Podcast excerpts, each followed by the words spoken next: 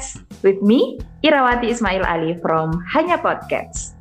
Saat ini, sekularisme sedang terjadi di dunia, yakni maraknya pemisahan antara ilmu duniawi dengan ilmu agama itu sendiri.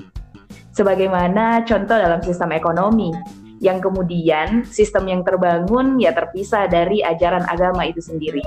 Katanya kalau kita berbicara mengenai agama ya di masjid, di gereja atau hanya di tempat ibadah. Tapi seharusnya jika kita berbicara mengenai agama maka itu harus terimplementasi di, di setiap sendi kehidupan kita, termasuk ekonomi Islam itu sendiri. Nah, saat ini metode atau sistem ekonomi yang menjadi patokan utama itu adalah sistem ekonomi kapitalisme dan sistem ekonomi sosialis. Namun, kedua sistem ini memiliki kelemahan yang tak mampu membawa keadilan dan kesejahteraan untuk semua. Namun, terjadi hal yang cukup menggembirakan di abad ke-21 ini, di mana munculnya para sarjana atau para ilmuwan muslim yang sadar betapa pentingnya mengintegrasikan antara keilmuan dengan ilmu agama itu sendiri. Dan ini tentunya akan mampu menjadi sinergi yang dapat menjadikan kejayaan Islam itu kembali.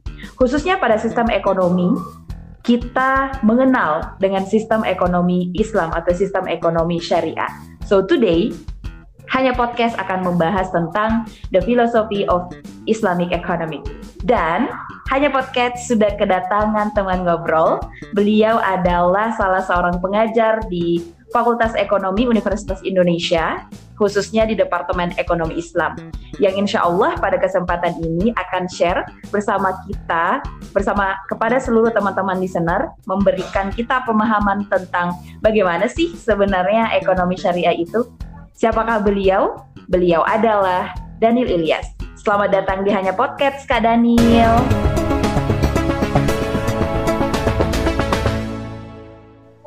Terima kasih, Ra.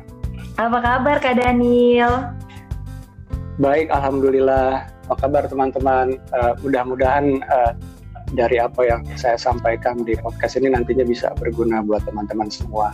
Terima Amin. kasih. Amin. Insya Allah Kak. Terima kasih banyak sebelumnya Kak Daniel atas kesediaannya meluangkan waktu hadir mampir bersama kita di Hanya Podcast pada episode kali ini. Masya Allah. Sama-sama ya. Oke, okay, Kak Daniel, ini kan insya Allah uh, kita sedang berada di bulan suci Ramadan ya Kak. Kita mempelajari dan mengkaji sedikit demi sedikit tentang bagaimana sih dasar atau landasan berpikir tentang ekonomi Islam itu sendiri Kak Daniel. Yang mana saat ini um, sangat Alhamdulillah ya kak, euforia atau semangat teman-teman uh, para pendakwa atau ekonom robani lah sebutannya itu sangat sangat luar biasa semangatnya untuk mendakwakan ekonomi Islam itu sendiri. Nah, Ira penasaran nih Kak, mungkin teman-teman listener juga yang uh, belum memahami dengan baik apa sih makna dasar dari ekonomi Islam itu sendiri? Baik Ira, jadi uh, sebenarnya kalau macam-macam ahli itu memberikan definisi yang bermacam-macam ya terkait pengertian dasar ekonomi Islam. Namun kalau kita ingin sederhanakan, ekonomi Islam itu adalah ilmu ekonomi teoritis maupun terapan yang didasarkan pada ajaran Islam yang bersumberkan dari Al-Quran dan As-Sunnah. Jadi seperti itu, Ira, sebenarnya. Oke, okay. oke okay, Kak. Berarti segala sesuatunya itu kembali landasannya ke Al-Quran dan As-Sunnah ya, Kak? Untuk iya, pastinya, Kak Betul.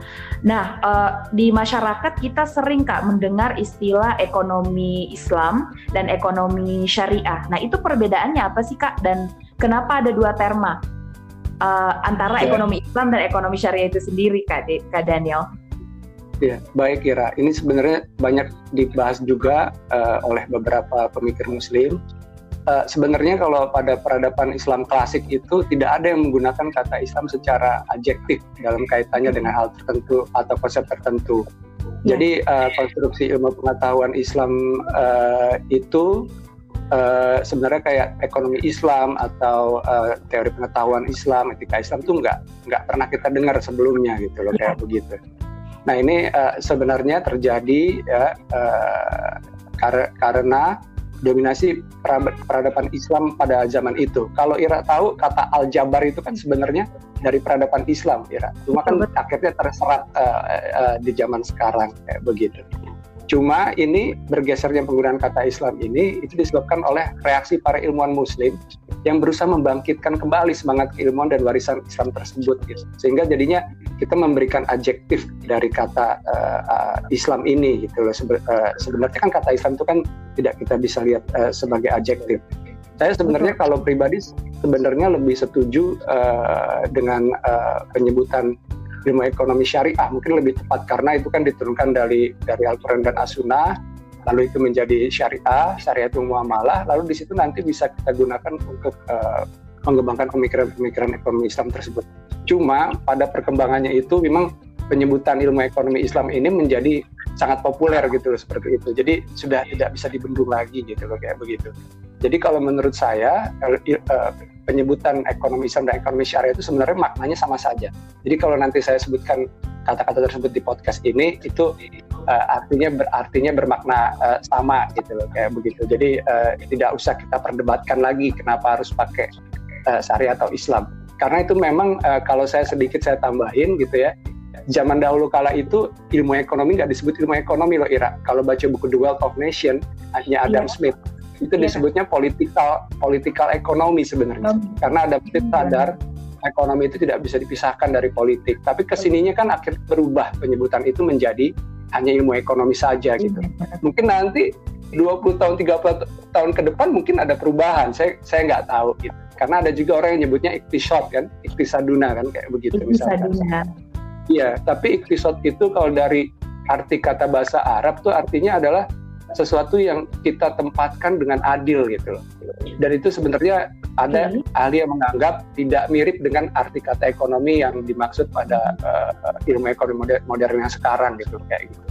Jadi sebenarnya saya uh, seperti itu. Jadi tapi sebenarnya sama aja Ira. Jadi oh, iya. kita sebut mau kita sebut iktisod, kita sebut uh, ekonomi syariah atau ekonomi Islam, uh, kita mengacu kepada pengertian yang sama yang saya bilang di awal tadi.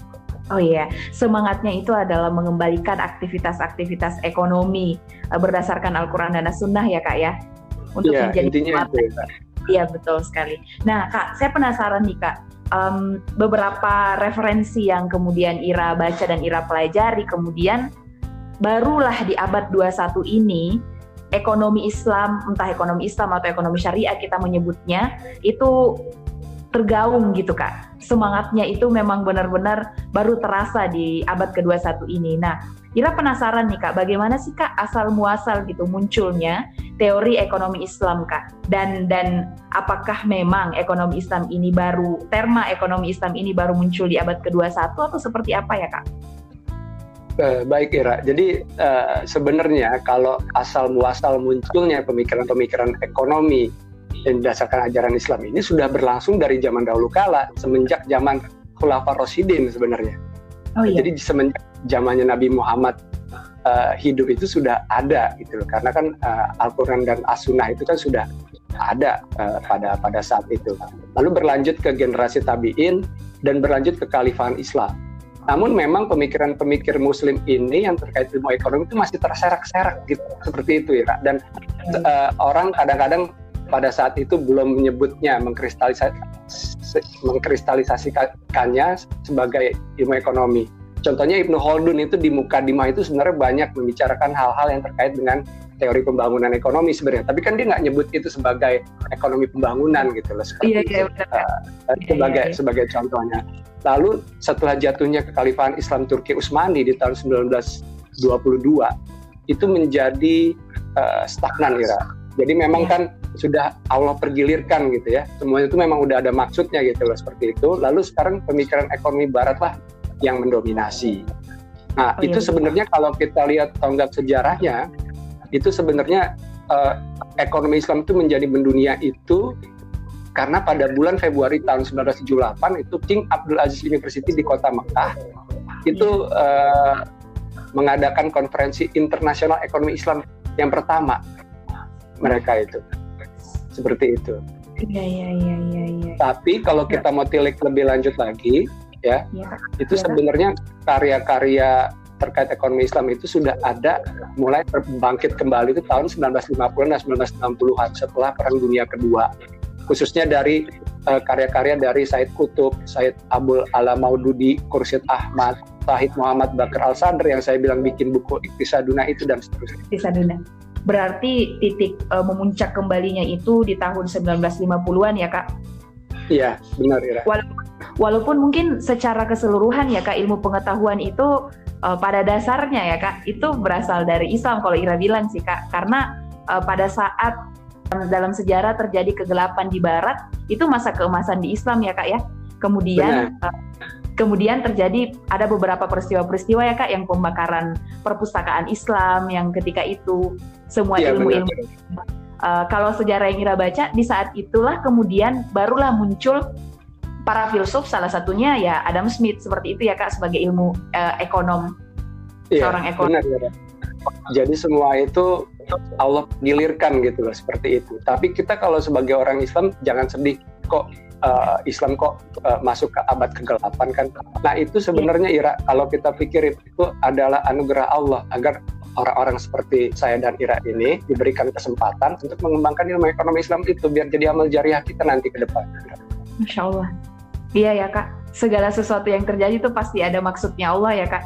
Dan mungkin sekarang kita belum realize tentang itu ya kak ya gimana sih kak caranya kita um, menyadari atau mungkin misal kita udah yakin nih insya Allah gitu ya segala sesuatu yang Allah berikan itu yang terbaik buat kita ada anugerah ada hikmahnya nah untuk meyakinkan dan mengimplementasikan dalam diri kita itu gimana sih kak kalau dari kak Daniel sendiri kalau menurut saya yang paling penting itu kalau dari saya itu diambil dari hadis kutsi yang saya suka itu Ira. Aku itu menurut persangkaan hambaku. Mungkin saya nggak mengutip secara secara pas gitu ya.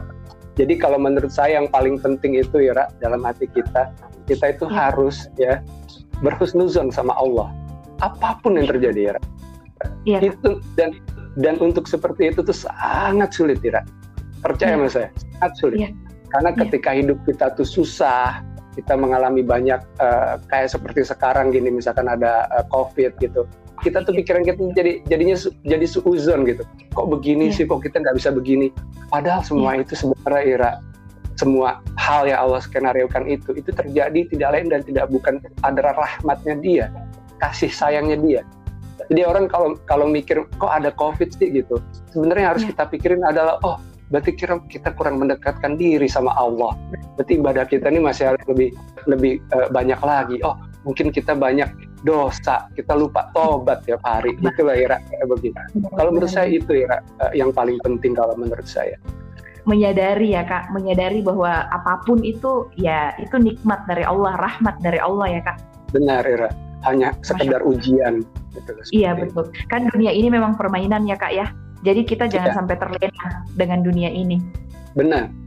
Kalau iya. Ira kalau Ira perhatiin itu sebenarnya ya. maknanya dalam karena kalau di teori ilmu ekonomi ada yang namanya game teori Ira. Kalau Ira ah, bisa iya.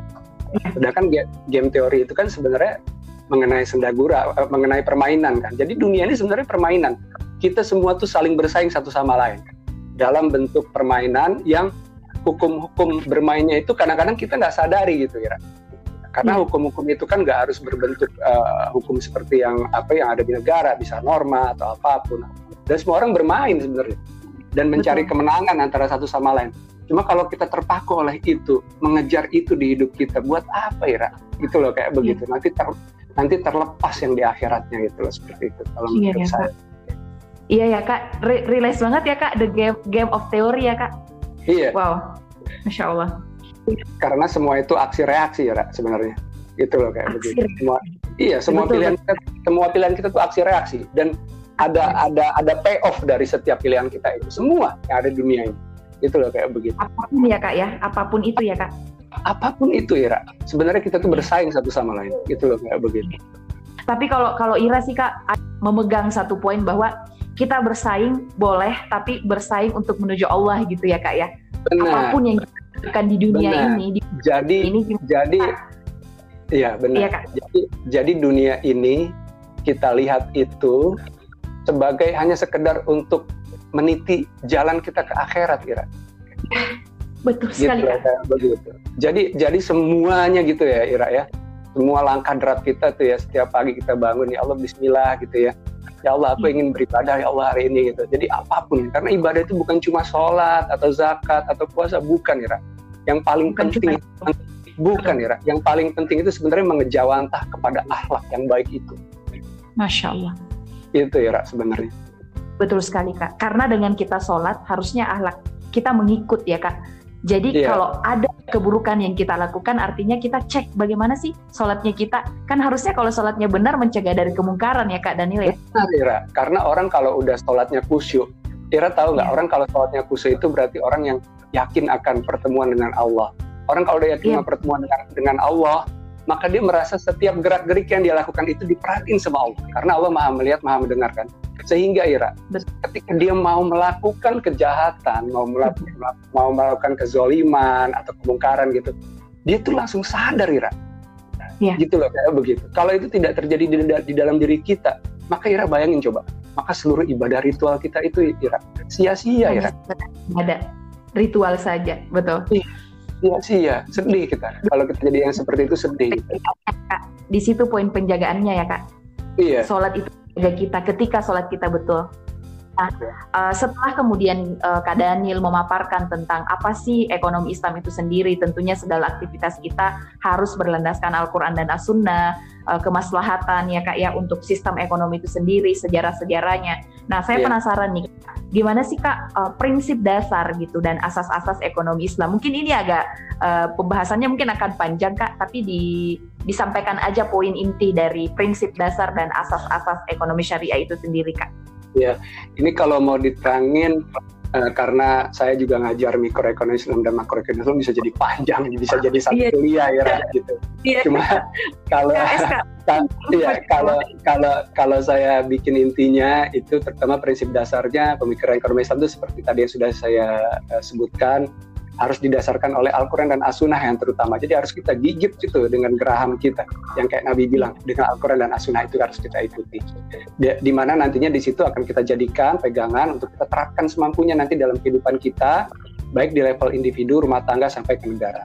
Nah, ada beberapa iya. asas-asas ekonomi Islam itu salah satu yang terpenting adalah tercapainya keadilan sosial ekonomi. Jadi sebenarnya yang iya tercapainya keadilan sosial ekonomi.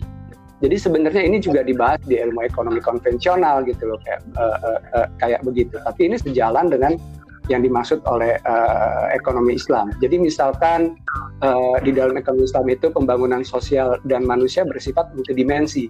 Jadi yang cakupannya itu termasuk persiapan untuk akhirat nanti gitu loh seperti itu. Dan kita uh, tidak hanya mengoptimalkan pendapatan domestik bruto saja misalnya tapi juga memeratakan pendapatan itu sangat penting di dalam ekonomi Islam gitu. karena di negara maju banyak terjadi uh, pendapatan domestik bruto itu meningkat sangat besar tapi ketimpangan juga meningkat sangat besar kira seperti ya. itu. Mungkin itu yang terjadi di Indonesia ya kak Iya, terjadi juga di Indonesia dan juga dan juga kesempatan ekonomi itu kadang-kadang terlupakan. Kadang-kadang kesempatan ekonomi itu masih di banyak negara mungkin masih dipegang oleh beberapa elit tertentu. Sedangkan kalau di dalam ekonomi Islam kita tidak boleh uh, seperti itu. Jadi uh, uh, di dalam ekonomi Islam itu harus yang mempromosikan akhlak yang baik terkait ekonomi dan juga untuk meningkatkan ibadah dan spiritual manusia kita dan seterusnya ya. Jadi seperti itu. Jadi kayak kalau saya sebagai orang Islam itu melihatnya kayak sebuah konsep yang kafah gitu loh kalau menurut saya kayak gitu. Konsep yang menyeluruh ya kak. Yang Bukan menyeluruh. hanya soal nilai atau angka dari yeah. pencapaian ekonomi kita ya kak, tapi yeah. lebih dalam maknanya. Ya, masya yeah. Allah sekali. Iya. Asas per, asas dasar yang kemudian disampaikan oleh uh, kak Daniel tadi bahwa uh, tentang asas keadilan ya kak. Asas keadilan itu setara ya kak ya antar individu dan komunitas.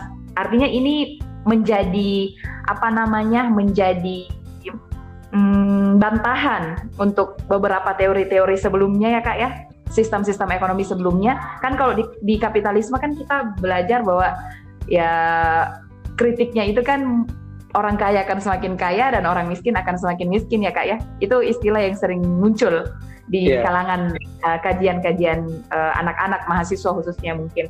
Nah yeah. dengan adanya sistem ekonomi Islam ini yang memegang teguh asas keadilan ya kak ya, itu yeah. menjadi jawaban ya kak. Iya, yeah. Karena kalau di uh, ilmu ekonomi konvensional itu ada salah satu ahli ekonom kaum monetaris ya, yeah. uh, yang mengatakan bahwa greed is good kayak gitu. Jadi dia jadi greed itu is good. Jadi yeah. artinya kalau kita itu serakah tuh baik gitu. Jadi yeah. uh, jadi apa pun bentuknya, mau itu mengkonsumsi barang yang nggak halal, itu bentuknya bermewah-mewahan, buat dia tuh bagus gitu. Karena itu meningkatkan uh, uh, perekonomian gitu. Sedangkan kalau di ekonomi Islam tidak seperti itu. Karena kita melihat sesuatu itu secara menyeluruh. Misalkan saya kalau kasih contoh, misalkan memang buat uh, perekonomian kalau ada industri minuman alkohol itu baik kira gitu ya, secara yeah. bisa dapat pajak segala macam. Cuma saya kasih ya, contoh di Amerika yeah. Serikat itu kalau baca-baca mengenai uh, drunk driving, jadi kematian yang disebabkan karena orang mengemudi dalam keadaan mabuk Ira, itu tiap tahun Ira, yang meninggal itu banyak sekali Ira.